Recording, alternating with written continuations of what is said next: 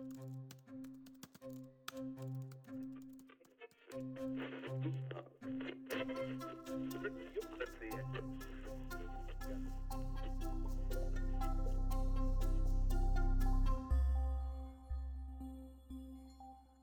til dialogen. I dag har jeg med meg Gunnar Sjomlid, som er forfatter, blogger og foredragsholder. Han har skrevet boka 'Håndbok i krisemaksimering' og 'Placeboeffekten'. Og han driver også podkasten Dialogisk sammen med Dag Sørås. Hei til Gunnar. Hallo. Hei. Eh, I dag skal jeg stille deg noen spørsmål som eh, har dukka opp på nettsida eh, Quora eh, angående media, tabloider, Norge, konspirasjonsteorier og litt ymse. Så Mm. jeg begynner med første spørsmål. Hvilket inntrykk gir de største tabloidene i Norge oss av verden? Eh, ja, det er et godt spørsmål. Um, I håndbok i krisemaksimering så prøvde jeg mest å fokusere på norske forhold. Men uh, jeg har litt om utlandet, og jeg hadde skrevet ganske mye om uh, USA og hvordan det, de er formet og inntrykk av f.eks. Ja, liv, kriminalitet og narkotika og sånn knytta til svarte amerikanere. Det meste av det ble kutta ut fordi forlaget mente det ikke var relevant nok for norske forhold. Men det er bare sånn ett eksempel jeg syns er interessant, og det er hvordan vi gjennom eh, media og selvfølgelig populærkulturen eh, Til og med meg sjøl, som vil erklære meg sjøl som en ganske aktiv antirasist og har vokst opp i deler av mitt liv i Afrika. og Allikevel så hadde jeg òg de her fordommene rundt at svarte amerikanere f.eks. var mer involvert i narkotikakriminalitet Mm. eller vold- og drapskriminalitet. Eh, rett og slett bare fordi at jeg oppfatter at de ofte lever under fattigere kår og har dårligere oppvekst og sånne ting, som, som er det som primært former kriminell oppførsel senere. Mm. Men jeg har da satt og lest gjennom rapporter og studier og så at eh, det er faktisk ikke mer narkotikakriminalitet blant svarte enn hvite. Mm. Det er bare litt som i Norge, at det er svarte amerikanere som får mest fokus, og som oftest blir tatt av politiet og sånn. Mm. Mens den hvite, si, narkotikakriminaliteten, den, den er mer legitim på en måte. Det er mer eh, college-studenter og sånne folk som politiet egentlig ikke går på i samme grad. Mm. Men det er bare sånn ett eksempel på hvordan jeg merker jo sjøl hvordan jeg har fått et feil inntrykk av verden. Mm. Ellers, så jeg husker ikke om jeg skriver det i boken, men det er sånn klassisk eksempel er når jeg bodde i, i Kenya på 80-tallet. Så var det jo mange av mine nei, afrikanske venner som innbilte seg at der jeg kom ifra, i Europa, så levde alle i mer eller mindre sånn palasser og hadde masse biler og levde i sus og dus med glitter, diamanter og gull. Mm. Som høres veldig rart ut. Sånn, hvorfor, hvorfor i all verden tror du det? Men så slo det meg at hva er det alle mine venner i Norge trodde om Kenya? Jo, de ble jo sjokkert når jeg fortalte dem at jeg eh, ja, ett år da jeg bodde der, så bodde jeg i hovedstaden Nairobi, som jo er en svær by med skyskrapere og liksom moderne Som en europeisk by. Mm. Og de ble jo overraska over at det fantes TV og, og sånne ting der. For det, for det eneste de hadde sett fra media, var jo sultende barn i Sudan, dekka av flue med bulende mager. Dette var jo rett rundt Live Aid-perioden midt på 80-tallet. Mm. Og hva var det mine venner i Afrika, i Kenya, hadde sett? Jo, de hadde sett Dynastiet og Dallas på TV. Mm. Og det synes jeg er litt fascinerende hvor naive vi er. Og det er jo forma f.eks. innvandringsdebatten. Jeg husker jo i 2015-2016, etter den Syria-krisa og innvandringen som kom da, Mm. så var det jo mange som reagerte på at de f.eks. så båtflyktninger komme i land, og så hadde de en mobiltelefon. Da kunne de jo ikke være flyktninger hvis de hadde en mobiltelefon, ikke sant. Mm. Vi har en slags idé som vi har fått sikkert mye gjennom media, om at er du flyktning, så er, så er det på en måte Eller den eneste legitime grunnen være flyktning eh, knytter vi ofte til dette med sult og katastrofer.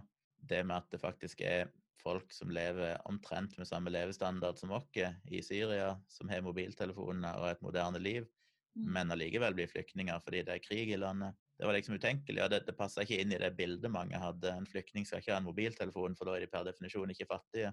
Mm. Mens til og med i Afrika Jeg har jo venner i, i Kenya som er veldig fattige og bor liksom i et, en bitte liten uh, aluminiumsboks, holdt jeg på å si, som er huset deres. Men de har jo mobiltelefon, og de er på Facebook.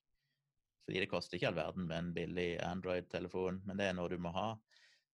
Så vi har en del sånne målestokker av hvordan ting skal være her i verden, noen kategorier som i stor grad er forma gjennom media. Og det, det, er jo ikke så rart, for jeg mener, hvordan ellers skal du finne informasjon? De fleste har jo ikke vært i Kenya, så det de vet om Kenya, er jo det de får via media.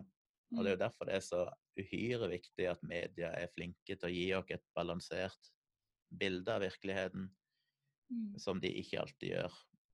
Og media former jo det synet vi har både på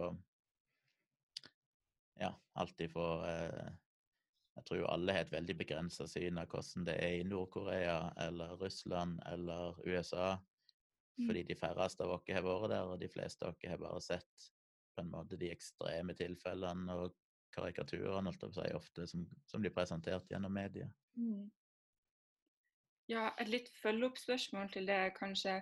Eh, hvorfor skaper media dette inntrykket, eh, istedenfor å fokusere på andre ting òg? Det er jo det som er vanskelig med media. Eh, at media, aviser, TV er jo primært Altså det meste av den informasjonen vi får, skjer jo via nyheter. Og mm. nyheter er jo bare interessante hvis det er noe spesielt som skjer. Mm. Eh, hvis det er en katastrofe, primært. For de fleste nyheter fokuserer jo på det negative. Mm. Sånn at når vi stort sett bare får informasjon om, eh, om Afrika når det er en sultkatastrofe eller en krig eller terror eller Så det er klart at det er det inntrykket vi får. Det er ikke så nærliggende uh, for aviser sånn, å, lage en historie om en vanlig familie i Kenya som lever et vanlig liv, liksom, for det er ikke en nyhetssak. Mm. Og da får du ikke sett det. Så det er jo ikke, det er jo ikke på en måte, det er selvfølgelig ikke, Jeg anklager ikke media for å, å bevisst prøver å manipulere oss, men det er jo bare i, i naturen av hvordan nyhets, nyheter fungerer, så vil vi som regel bare få presentert de ekstreme inntrykkene, og mm. aldri de mer normale dagligdagsinntrykkene. Og det mm. påvirker jo det synet vi har på veldig mye. Ja. Og eh, de negative inntrykkene gir ofte sterkere inntrykk enn de positive også. Um. Ja, og det ser vi jo både lokalt eller i nasjonale nyheter internasjonale. Det er klart at det er lettere å selge.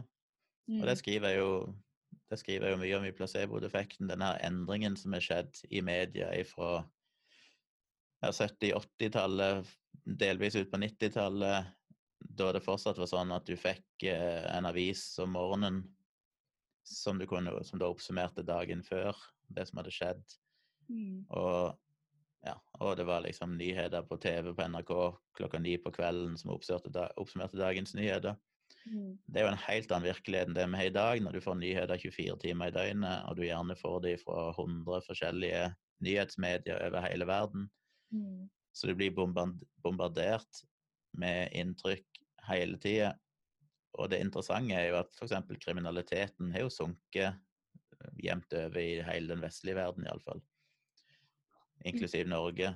Så det er jo mindre kriminalitet nå enn det var for 20 år siden, selv om mange fortsatt mener at det var så mye bedre på 80- og 90-tallet. Men kriminaliteten er jo lavere nå. Du må jo helt tilbake igjen til begynnelsen av 80-tallet for å finne like lav mm. kriminalitet som nå. Så var det en liten stigning ut mot 90-tallet, men fra ca. årtusenskiftet de siste 20 årene og fram til i dag, så er jo den kurva bare gått nedover. Mm.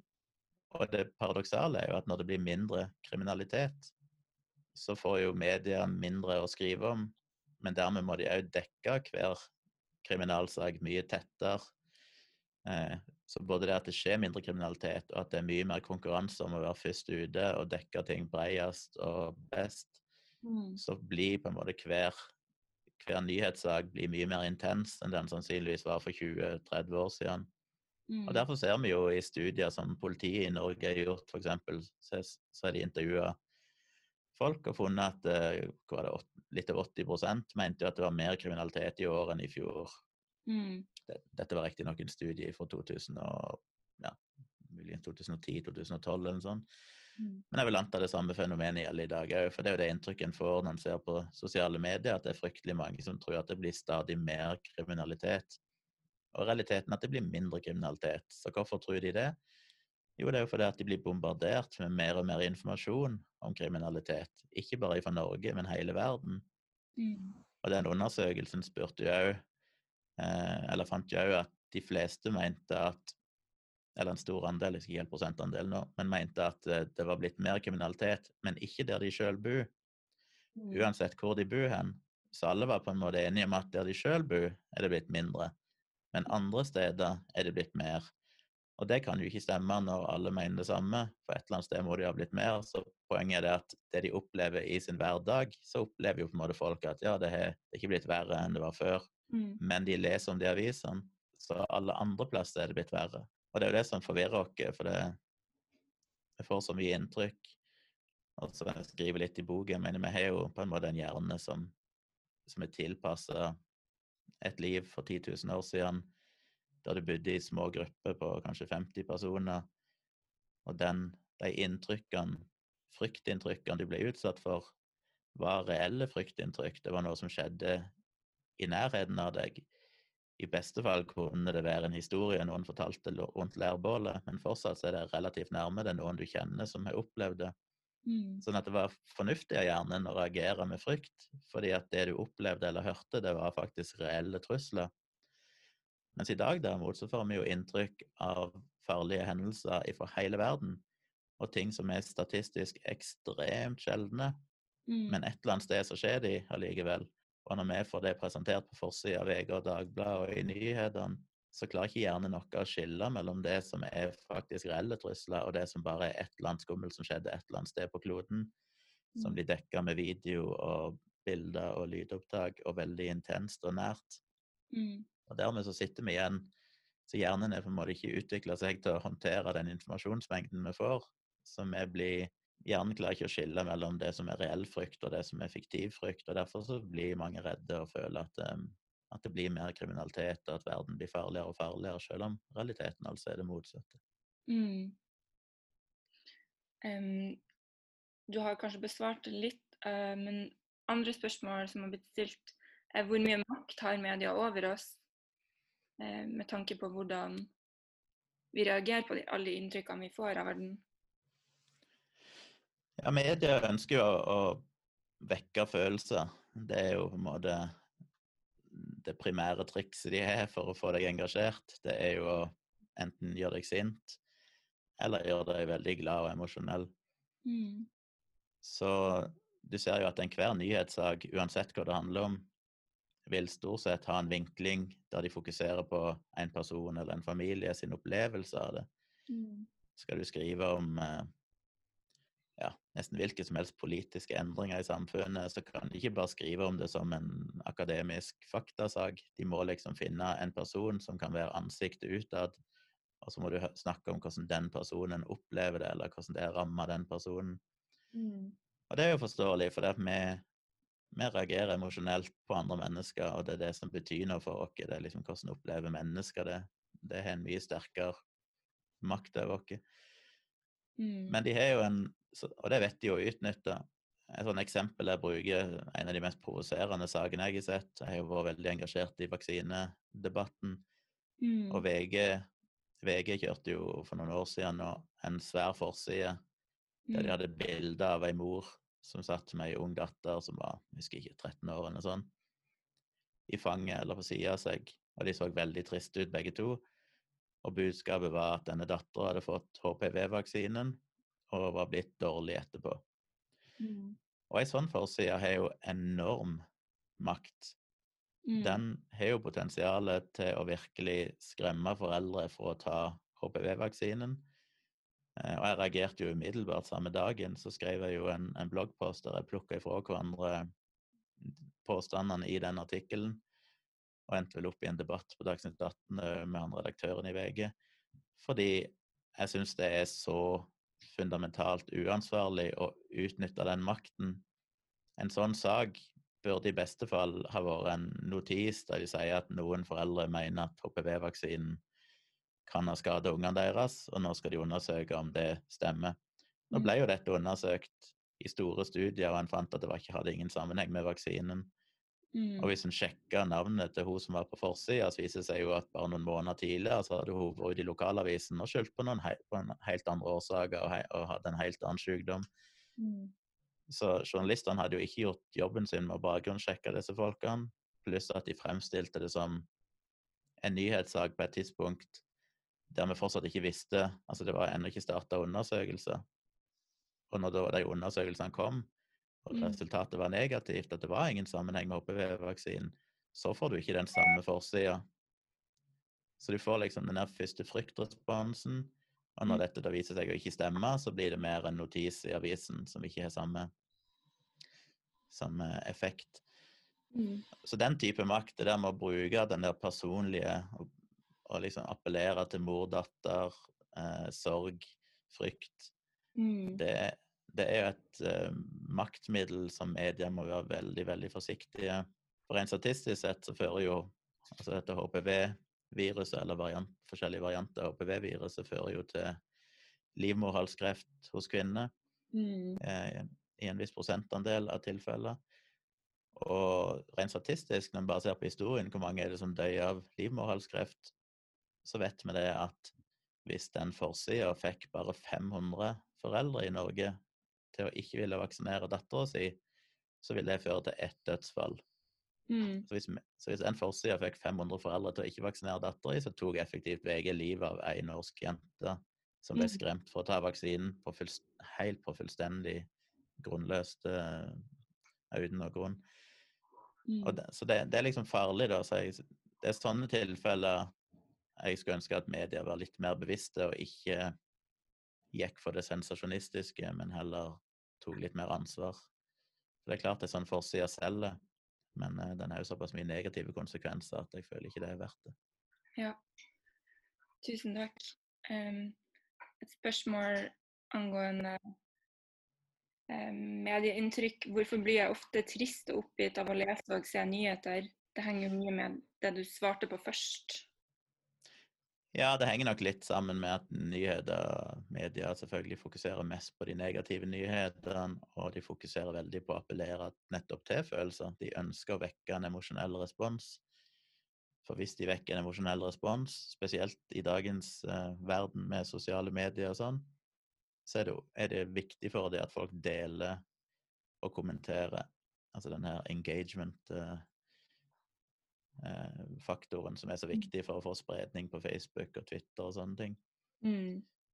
Så de prøver jo bevisst å appellere til følelsene dine. Og jeg sier igjen, så sier jeg ikke det som, i noen sånn form for at, at det er galt eller manipulerende. Jeg tror bare det er et sånn rent skriveteknisk fornuftig måte å presentere stoff på. Sånn er det jo alltid. Du skal appellere både til, til patos og logos og alt det her. Så det å vekke følelser er jo viktig for å engasjere folk, og det skjønner jeg. Det er jo et grep de selvfølgelig bruker. Men det påvirker deg jo. Mm. Um, hvordan kan jeg bli mer bevisst angående hva jeg konsumerer av stoff på internett? Har noen spurt. Um, Jeg tror det er viktig å I den boken min, 'Håndbok i krisemaksimering', så prøver jeg jo å, å gi en del eksempler på eh, holdt på å si, grep og til dels juks og, og sånn som media kan bruke for å, å krisemaksimere. Så jeg tror det er viktig å være litt mentalt bevisst på de grepene. Et av de vanligste grepene og tingene det er viktig å alltid tenke på, det er um, ja, det er spesielt to ting. Det ene er det jeg kaller det falske nullpunkt. Og det er den ideen om at det er veldig enkelt å problematisere et fenomen. Og da skaper du ubevisst et inntrykk hos leseren om at hvis vi bare fjerner det problemet, så blir risikoen mindre eller null. mm, Igjen så kan en jo bruke ja, f.eks. vaksiner som et eksempel. Det er lett for media selvfølgelig å fokusere på at en vaksine har gitt x antall bivirkninger. mm, Da har du jo Og det kan være sant. Men la ikke nå si f.eks. den saken jeg nevnte i stad, med denne mora og dattera, der dattera visstnok hadde blitt fått en eller annen sykdom etter HPV-vaksinen. mm, Hvis det faktisk var sant, så ville det jo strengt tatt være en gladnyhet i den forstand at det er ei jente, etter å ha vaksinert flere hundre tusen jenter, som vi vet statistisk sett vil redde flere hundre kvinner fra å dø av livmorhalskreft, så er det ei som har fått en sykdom av vaksinen. Mm. Det er, det er, et budskap som er vanskelig å si uten å virke ufølsom, men rent statistisk er det klart at det å redde f.eks. 500 liv hvis prisen er at ei blir syk, så er det strengt tatt en gladnyhet. Mm.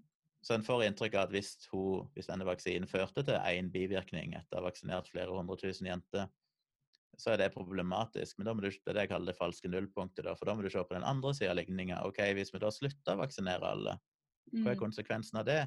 Jo, da vil ingen bli syke av vaksinen, mm. men noen hundre ekstra vil dø av livmorhalskreft. Og det går igjen i så mange saker. Du kan peke på et problem, og så får du inntrykk av at dette problemet må vi løse ved å eliminere det. Mm. Men det er alltid spørsmålet hva er risikoen på den andre sida? Tilsvarende eksempel jeg bruker, er jo f.eks. Eh, parabener i hudkremer og sånne ting. Som det ikke finnes noen vitenskapelig dokumentasjon for at faktisk er skada mennesker. Men det finnes et par dyrestudier der i store doser så kan det kanskje teoretisk sett ha noen effekter som mm. ikke er heldige. Og basert på sånn føre-var-prinsipp da, så er det mange som har ment at dette bør fjernes. Og det høres jo veldig flott ut. Ja, ok, la ikke fjerne parabenene. De er knytta til en liten risiko. En teoretisk risiko. Mm. Men da må man igjen stille seg spørsmålet hva er effekten av det? Jo, parabenene har jo en effekt i disse hudkremene. Det er et konserveringsmiddel. Så det å tilsette parabener gjør at det ikke vokser bakterier i hudkremer når de står inne på et varmt bad. For det er liksom fuktighet og bad, og det er det perfekte grobunnen for bakterier. Mm. Eh, og det har de prøvd, og det var tilfeller i Norge annet, der det var en, en eh, sånn parabenfri eh, deodorant, tror jeg, mm. som da måtte trekkes fra markedet, for det kom bakterievekst igjen, som er mye, mye farligere enn parabenene i seg sjøl. Andre hudpleieprodukter har jo brukt andre stoffer som konserveringsmiddel. De har liksom sagt at de er parabenfrie, men de må jo tilsette et eller annet, for ellers får du bakterievekst. Mm. Altså det viser seg at de stoffene var mye farligere og allergifremkallende. Så det er alltid den der balansen at ja, det, det kan være et problem, men eh, det å eliminere det problemet betyr ikke nødvendigvis at verden blir bedre. Mm. Og det er veldig lett for media å spille på, og det provoserer meg ofte at de er litt for dårlige til å vise den der balansen. da, vise Ingenting er liksom bare enkelt. Alt er, alt er komplisert. Det er alltid mye mer nyansert og mm. komplisert enn det det ofte blir fremstilt som. Ja. Det er viktig for leseren å vite det, eller å tenke på det. Ja, så still det spørsmålet. Jeg bruker andre eksempler knytta til ytringsfrihet og forskjellige sånne ting. Altså, det har vært avisskriverier om at um, ja, Det var leseranlegg og sånn òg, der folk skriver at uh, muslimer f.eks. Uh, eh, ødelegger ytringsfriheten i Norge. De ønsker å kneble friheten vår i Norge. Mm. Og det høres jo alvorlig ut, og det er jo selvfølgelig alvorlig. Men da er det interessant å se igjen på ja, men hva mener nordmenn flest om det. Og Det skriver jeg litt om i boka, for det er gjort en del studier i Norge for å se hvilke holdninger nordmenn har til ytringsfrihet. Altså mm. hvilke typer ytringer vil en jevne nordmann tillate. Og det viser det seg jo at eh, nordmenn flest er ikke så ytringsliberale som en kanskje tror. Mm. Og da blir jo spørsmålet skal vi problematisere de mellom 2 og 4% nordmenn som er muslimer? Eller skal vi problematisere de 96-98% ikke-muslimene som stort sett har de samme problemene eller holdningene? Eh, så det er vi veldig flinke til. Det er veldig menneskelig, da, dette med å båsette problemer. At det er lettere å akseptere et problem hvis du kan knytte det til en spesiell kategori mennesker, mm. sånn at du sjøl blir definert ut av problemet. Så er det bare muslimer da er iallfall ikke jeg en del av problemet. Mm. Men i realiteten så er vi stort sett alle likere enn det vi liker å tro, og alle er stort sett en del av problemet i større eller mindre grad. Så det er et spørsmål en alltid må tenke seg, eller stille seg sjøl. Når du leser om et problem som er knytta til én spesiell gruppe, mm. enten det er religiøs gruppe eller noe annet, det er å alltid tenke ja, men hva mener alle andre? For i sånne saker så tenker en ofte at alle andre mener ikke dette, eller alle andre er liksom i går så fornuftige på det området. Men som mm. regel så er holdningene ganske like. Og det er farlig, syns jeg, for det skaper mistenkeliggjøring og hat mot enkelte grupper. som strengt tatt ikke egentlig er så forskjellige fra alle andre, hvis en bare hadde sett på statistikken. Mm. Og Der syns jeg òg det er viktig å trekke fram eh, Ja, altså en må, en må være bevisst på at det, det budskapet du får, er bare en flik av virkeligheten. Jeg viser jo f.eks. til noen Retriever-rapporter. Retriever er jo sånn analysebyrå som går gjennom media og, og lager rapporter på ting, blant Mm. annet. Og de er sett på f.eks. Eh, hvordan blir nordmenn med innvandrerbakgrunn fremstilt i media? Og det viser seg da annet at de dobbelt så ofte, hvis du har en kilde i en sak som har innvandrerbakgrunn, så blir deres innvandrerbakgrunn nevnt, eller landsbakgrunn blir nevnt, hvis saken har en negativ vinkling. Mm. Så hvis det er en sak som er knytta til kriminalitet eller terrorisme eller et eller annet sånt, så er de veldig nøye med å si at denne personen hadde somalisk bakgrunn eller pakistansk bakgrunn eller noe sånt. Mm. Hvis det er en nøytral sak eller en positiv sak, f.eks. en norsk-somalier som er veldig flink i fotball, eller har hatt stor suksess i utlandet med sin rappmusikk, Mm. så er det bare en nordmann. Da peker de ikke på landbakgrunnen. Da sier de ikke at dette er en nordmann med somalisk bakgrunn, men da er det en nordmann. Da er det Ahmed Olsen som er flink i fotball. Mm. Og det skal en være veldig bevisst på, for det former helt åpenbart det inntrykket vi får. Um, og tilsvarende så ser vi òg at eh, innvandrere, eller nordmenn med innvandrerbakgrunn, bare kommer til orde i Jeg må ikke si feil tall her, det er så lenge siden jeg eh, sjekka de tallene sjøl, men jeg tror det var 2% av nyhetssaker. Mm. Mens de utgjør jo totalt sett opp mot eh, hva er det, 17-18% av befolkningen. Ja. Som betyr at de blir massivt underrepresentert i media. Mm. Så hva sitter vi da igjen med? Jo, vi sitter igjen med at det meste vi leser i nyhetene, er nordmenn som er hvite og er født og oppvokst i flere generasjoner i Norge.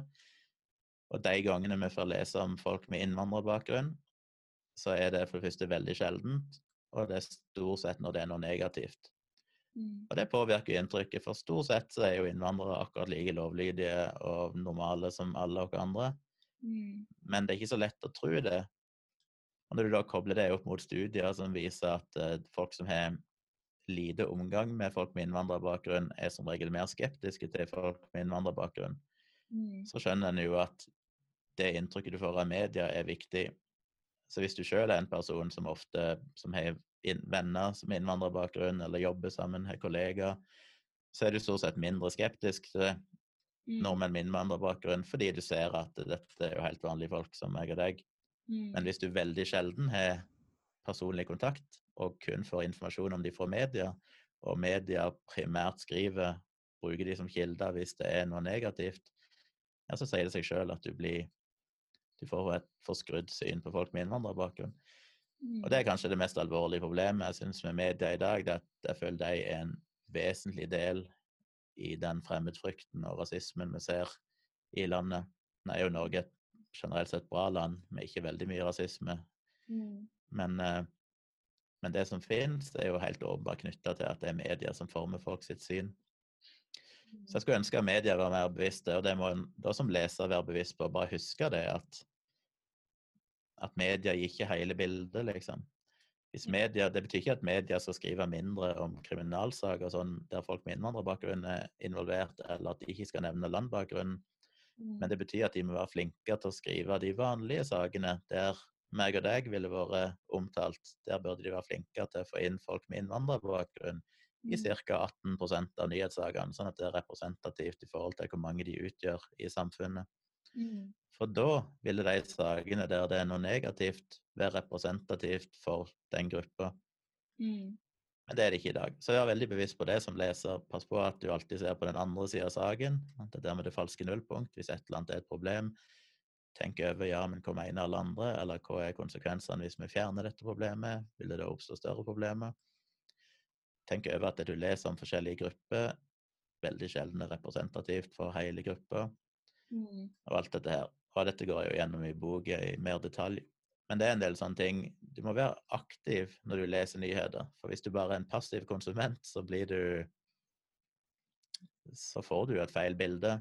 Mm. Og igjen, det samme gjelder jo vitenskap, som jeg skriver om. Altså, media skriver jo primært om studier som er banebrytende og eksepsjonelle og spennende. Mm. Og du kan høre at eh, et eller annet ny medisin kurerer sykdom X, Mm. og så ti år seinere viser det seg at det funka egentlig ikke allikevel. Men det får du ikke høre om. Og det viser jeg til noe forskning i boken min som demonstrerer det ganske effektivt, da, men der de har gått gjennom og sett for medias dekning av forskjellige typer ting, og viser at når det de initielle studiene, som i nesten 80% av tilfellene senere viser seg å være feil, Mm. så får de fryktelig mye pressedekning. Men når det er gått ti år, og disse studiene har blitt forsøkt replikert, altså der en gjør studiene på nytt for å se om de faktisk fungerer fortsatt, når det er andre forskere som gjør det, Mm. så viser det seg ofte at ah, det var visst ikke denne studien var visst ikke korrekt allikevel. Og det får nesten ingen pressedekning. Mm. Som betyr at, at det meste som jeg skriver litt sånn spissa i boken min, det meste av det du leser om medisinsk forskning i media, er feil. Eh, rett og slett fordi media er opptatt av det, det nye, ferske, spennende, oppsiktsvekkende. Mm. Men forskning fungerer ikke sånn. Forskning er en lang prosess der du må gjøre studier om igjen og om igjen og teste og sjekke for feil og prøve på nytt. Mm. Og det kan ta 10 og 20 år før du egentlig vet hva som er sannheten. Mm. Men det er ikke så interessant for en avis å skrive 15 år seinere at denne studien viser seg å være feil. Mm. Så det må du være obs på at media vil som regel skrive om studier, den type studier, som det er mest sannsynlig at senere viser seg å være feil. For jo mer spesielt og oppsiktsvekkende resultatet er, jo større er sannsynligheten for at det resultatet faktisk ikke stemmer. Mm. Så det, må så det er liksom mange sånne ting som jeg går gjennom i boka, men det er mange sånne ting en må, må være bevisst. At det at du leser om en studie i media, betyr ikke at det er sannheten. For det er ikke sånn forskning foregår. Det er ikke én studie som avgjør sannheten. Det er en serie med studier over mange år. Så hvis du leser et eller annet som er veldig spennende, så må du på en måte tenke at OK, det var interessant, men dette må jeg følge med på og se om det endrer seg over noen år. For det gjør det veldig, veldig ofte. Så det, det er veldig mange ting, og dette er jo krevende. Og det er jo noe som folk ikke intuitivt tenker på. Mm. Fordi vi, vi bruker jo gjerne denne type 1-tenkinga som Daniel Kahneman kaller det. Den her intuitive, raske, kjappe mønstergjenkjenninga der ting bare faller på plass og gir deg mening og, og er veldig lett å trekke slutninger ifra. Mens Mm. den type 2-tenkinga som krever at du går mye dypere og bruker mer energi og, og tenker mer kritisk, den, den er ikke intuitiv. Og den må du på en måte jobbe med, og du må trene deg opp til å faktisk tenke sånn. Mm. Så, det, så i boken min prøver jeg å bare gi en del verktøy og vise eksempler fra norske aviser på hvor mange ganger dette her blir misbrukt, og hvor lett det er å la seg lure. Mm. Jeg, men jeg må alltid understreke at jeg mener ikke at norsk media liksom prøver å lure deg, eller sånn. Mm. Jeg mener ikke at det er fake news. Fake news er noe helt annet. Det er liksom bevisst propaganda. Yeah. Jeg bare sier at media er media. De fokuserer på det nye og umiddelbare, og. Er ikke nødvendigvis alltid så opptatt av sitt samfunnsansvar at de òg har et ansvar for å kanskje være mer nyanserte og passe på at de dekker hele bredden. Mm. Og det er jo selvfølgelig forskjellig fra avis til avis. Noen aviser er bedre enn andre. Em, ja, med tanke på spesielle nyhetssaker som får veldig mye oppmerksomhet, så danner det seg ofte konspirasjonsteorier rundt det. Um, Mm. Og et spørsmål er hvordan, hvordan blir konspirasjonsteorier populære? Hva er det som skjer i den prosessen når en eh, teori eller eh, tankeholdning blir, går viralt? Det er primært det at mennesker er meningssøkende maskiner. Altså, vi har en hjerne som ikke har utvikla seg for å vise deg sannheten, men den er der primært for å gi deg en følelse av mening og orden og struktur i universet. Uh, og det er ikke bare en påstand jeg slenger ut, det er ganske godt underbygga, kanskje spesielt i den første boken min, placebo-defekten, der jeg går gjennom dette ganske nøye og viser disse psykologiske mekanismene og, og hvordan vi er dårlige til å forstå statistikk og sånn. Mm. Eh, og hvordan dopamin og, og kjemikalier i hjernen gir deg en god følelse når du ser at ting faller på plass.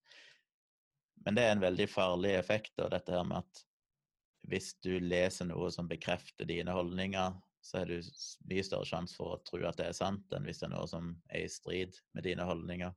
Mm. Uavhengig av hvor godt dokumentert det er. Og den fella går vi alle i, inklusiv meg sjøl. Det er jo en, et, et, felt der en er nødt til å være aktiv og kritisk til seg sjøl. Jeg har Mm. sjøl brent meg på at jeg har delt saker av og til som er sånn dette bekrefter det jeg tror på, derfor føles det veldig rett. Mm. Altså det viser seg senere å være feil eller bare tull, liksom. Mm. Og jeg var ikke kritisk nok, fordi at det ga meg en god følelse, dette her med at det føltes som at det bekrefta mine fordommer eller ønsker eller holdninger. Mm. Så mitt budskap er jo alltid at hvis det er noe som føles som at det gir deg mening, hvis det føles som at 'å, nå falt brikkene på plass', dette bekrefter det jeg tror på, så skal du alltid ta et steg tilbake og være ekstra forsiktig. Mm. Fordi vi har jo en hjerne som gjerne vurderer sannhet ut ifra hvordan det får oss til å føle oss. Hvis det Mm. føles godt, hvis det kjennes sant, så er det sannsynligvis sant. Men sånn er det jo ikke. På noen som helst måte. Mm. Så det er livsfarlig. Og konspirasjoner er jo på en måte ekstremvarianten av det. At det er Det er en serie med løsrevne eh, bevis, holdt på å si, bevis i gåseøyne, som passer sammen i et mønster som gir deg en følelse av kontroll. Mm. Det skriver jeg mye om som sagt i den første boken min, 'Placebo-defekten', der jeg viser til studier der du f.eks. tar mennesker, og gjennom forskjellige teknikker som jeg ikke skal gå inn på her nå, så klarer du å få den ene gruppa til å føle at de mister kontrollen. Mm. At de ikke, liksom, hjernen blir forvirra. Og hvis du da etterpå viser de tilfeldige, altså bilder med tilfeldig støy, bare masse prikker på, men der det i noen av bildene så er det faktisk en gjenstand, en fugl eller en trikant eller et ansikt som gjemmer seg i den støyen, Mm. så vil de, den gruppa som ikke er blitt manipulert og mista kontrollen, de vil se det ganske korrekt. De vil se støy når det bare er støy, og de vil se bilder der det gjemmer seg bilder i støyen. Mm. Men de som har blitt manipulert til å miste kontrollen, til å få en følelse av håpløshet og at nå skjønner jeg ikke hvordan ting henger sammen, Mm. De vil se mye flere bilder i støyen. De vil se bilder i støy der det ikke fins bilder i støyen. Mm. Så dette vet vi at hjernen, når hjernen føler at den mister kontrollen, så vil hjernen overkompensere med å se mønster i tilfeldigheter. Mm. Og det er nok en veldig viktig faktor i konspirasjonsteorier. En ser jo det, og dette er mer anekdotisk, men jeg har jo fulgt disse miljøene i, i 15-20 år, Mm. Og ser jo det at de fremste norske konspirasjonsteoretikerne er jo folk som har falt litt på kanten av samfunnet, Mm. som sannsynligvis ikke har fått livet helt til. Mm. Og når du føler at ting ikke fungerer helt, så begynner hjernen å overkompensere. For du trenger å føle mestring, du trenger å føle mening, du trenger å føle at det er jo det er en form for determinisme i det som skjer. Mm. Eh, og det viser seg jo gjennom at hvis du først er f.eks. antivaksine, Mm. så vil du veldig òg ofte være antibarnevern. Og du vil gjerne òg tro at 5G er livsfarlig.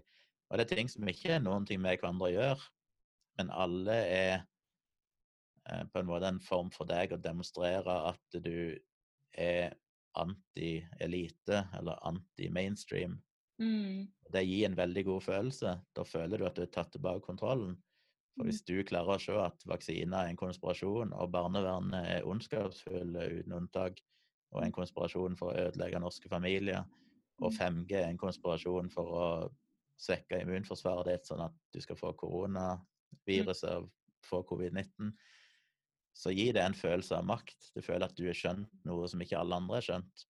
Mm. Og det får deg til å gjenta den kontrollen du føler du har mista i livet ditt. Så det er en egen gruppe. Eh, og gjennom sosiale medier da, så har jo dette blitt verre, fordi at du får plutselig tilgang til så fryktelig mye mer informasjon. Det er så Mm. mange flere brikker du kan pusle sammen, og det er vanskelig å sjekke sannheten i ting hvis ikke du bruker litt, investerer litt energi i det. Mm. Så det er lett for folk å ta løsrevne biter av eh, fakta der deler det kan være sant, men der de unnlater å fortelle om veldig mye annet som strider imot det. Og så kan du da begynne å pusle sammen disse brikkene, og så ser du et mønster. Og det er jo dessverre et tragisk utfall, sånn som disse QAnon-konspirasjonene, spesielt i USA, der den her Pizzagate og sånn, der folk klarer å pusle sammen brikker som gjør at eh, Hillary Clinton er involvert i en pedofiliring, som Mm. driver og misbruker barn og sånn, og som er da ført i USA til at det er ja, det er i hvert fall et par tilfeller. iallfall ett tilfelle, hvis ikke flere, der folk er blitt drept. Mm. Og flere tilfeller der folk har forsøkt å ta livet av folk fordi de har trodd på de her konspirasjonene. Ja. Og ironisk nok så er det en rasjonell respons. Hvis du virkelig er 100% overbevist om at det er en pedofiliring som driver og misbruker barn, så er kanskje det den rette responsen. Det er liksom å, å gå voldelig til angrep og si at der må vi stoppe. Mm. Problemet er jo bare det at alt som leder opp til den responsen, er jo irrasjonelt, for at de har jo ikke vært kritiske. Ja.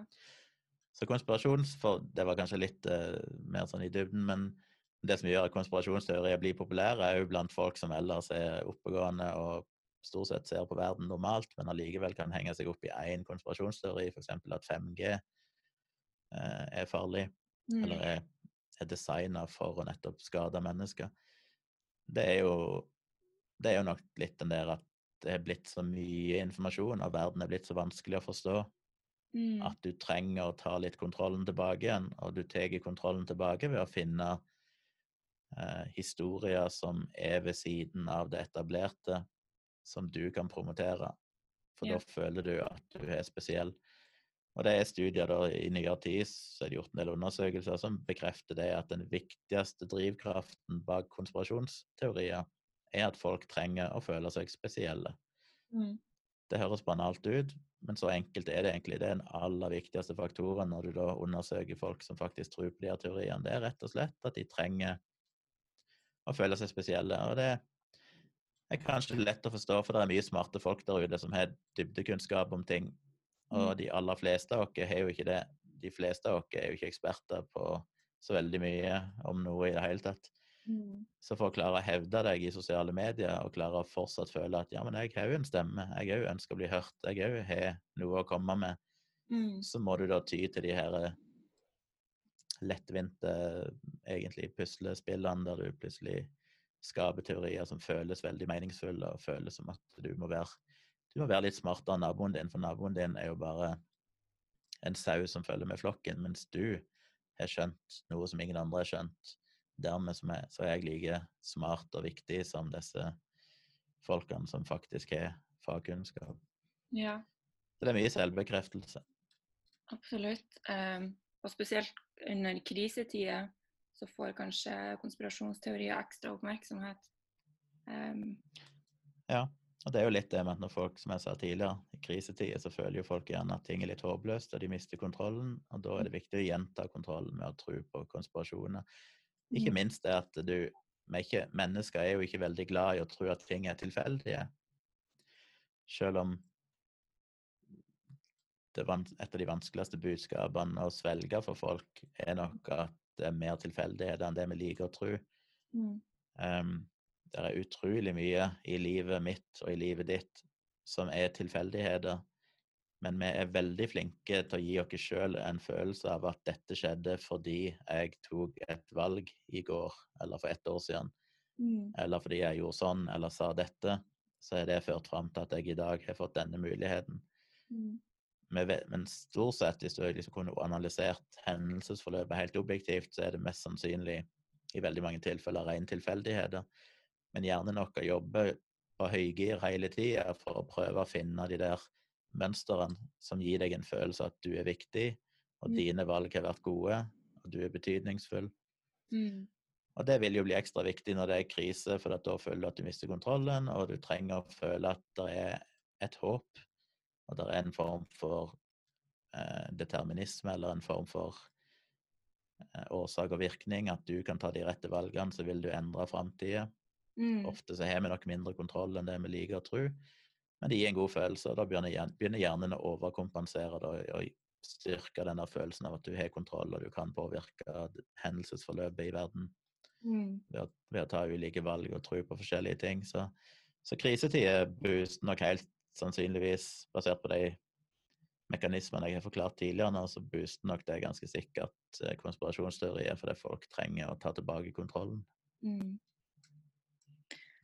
Bare for å summere litt opp, du har besvart ganske mange av de spørsmålene egentlig. Men hvilke spørsmål er det viktig å stille seg selv når man leser nyhetsartikler da? Eh, Hvilke kritiske spørsmål burde man ha i bakhodet når man konsumerer? I tillegg til det jeg har nevnt tidligere med falsk balanse og alt dette her, så er det jo litt mer sånn overfladiske ting som en selvfølgelig må stille seg, og det er jo alltid hvem er kilden her? Mm. Altså Den personen de intervjuer, som de kanskje kaller ekspert, er dette en person som faktisk representerer f.eks. det vitenskapelige konsensus, Mm. eller er det en person som mener noe som egentlig er på kant med resten av fagfeltet? Media er jo veldig glad i eksperter, det er jo et kapittel om i håndbok i krisemaksimering, men veldig mange av de som blir brukt som eksperter i media, er jo folk som ofte er veldig skråsikre og veldig tydelige. For det er jo de letteste personene å fronte. Mm. Men en del studier tyder jo også på at de folkene oftest tar feil.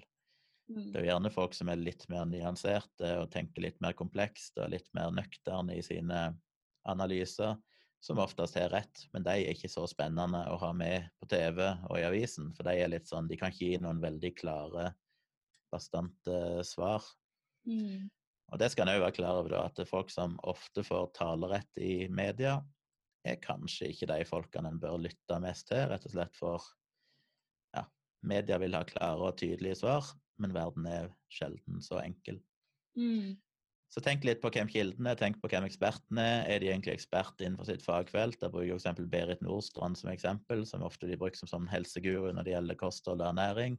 Mm. Men hun er jo ikke en ekspert innenfor kosthold og ernæring. Hennes fagkompetanse er innenfor ja, hva er det, psykiatri eller Ja, med fare for å si feil, jeg husker ikke nå. Men i hvert fall, hun er ikke noen formell kompetanse innenfor ernæring.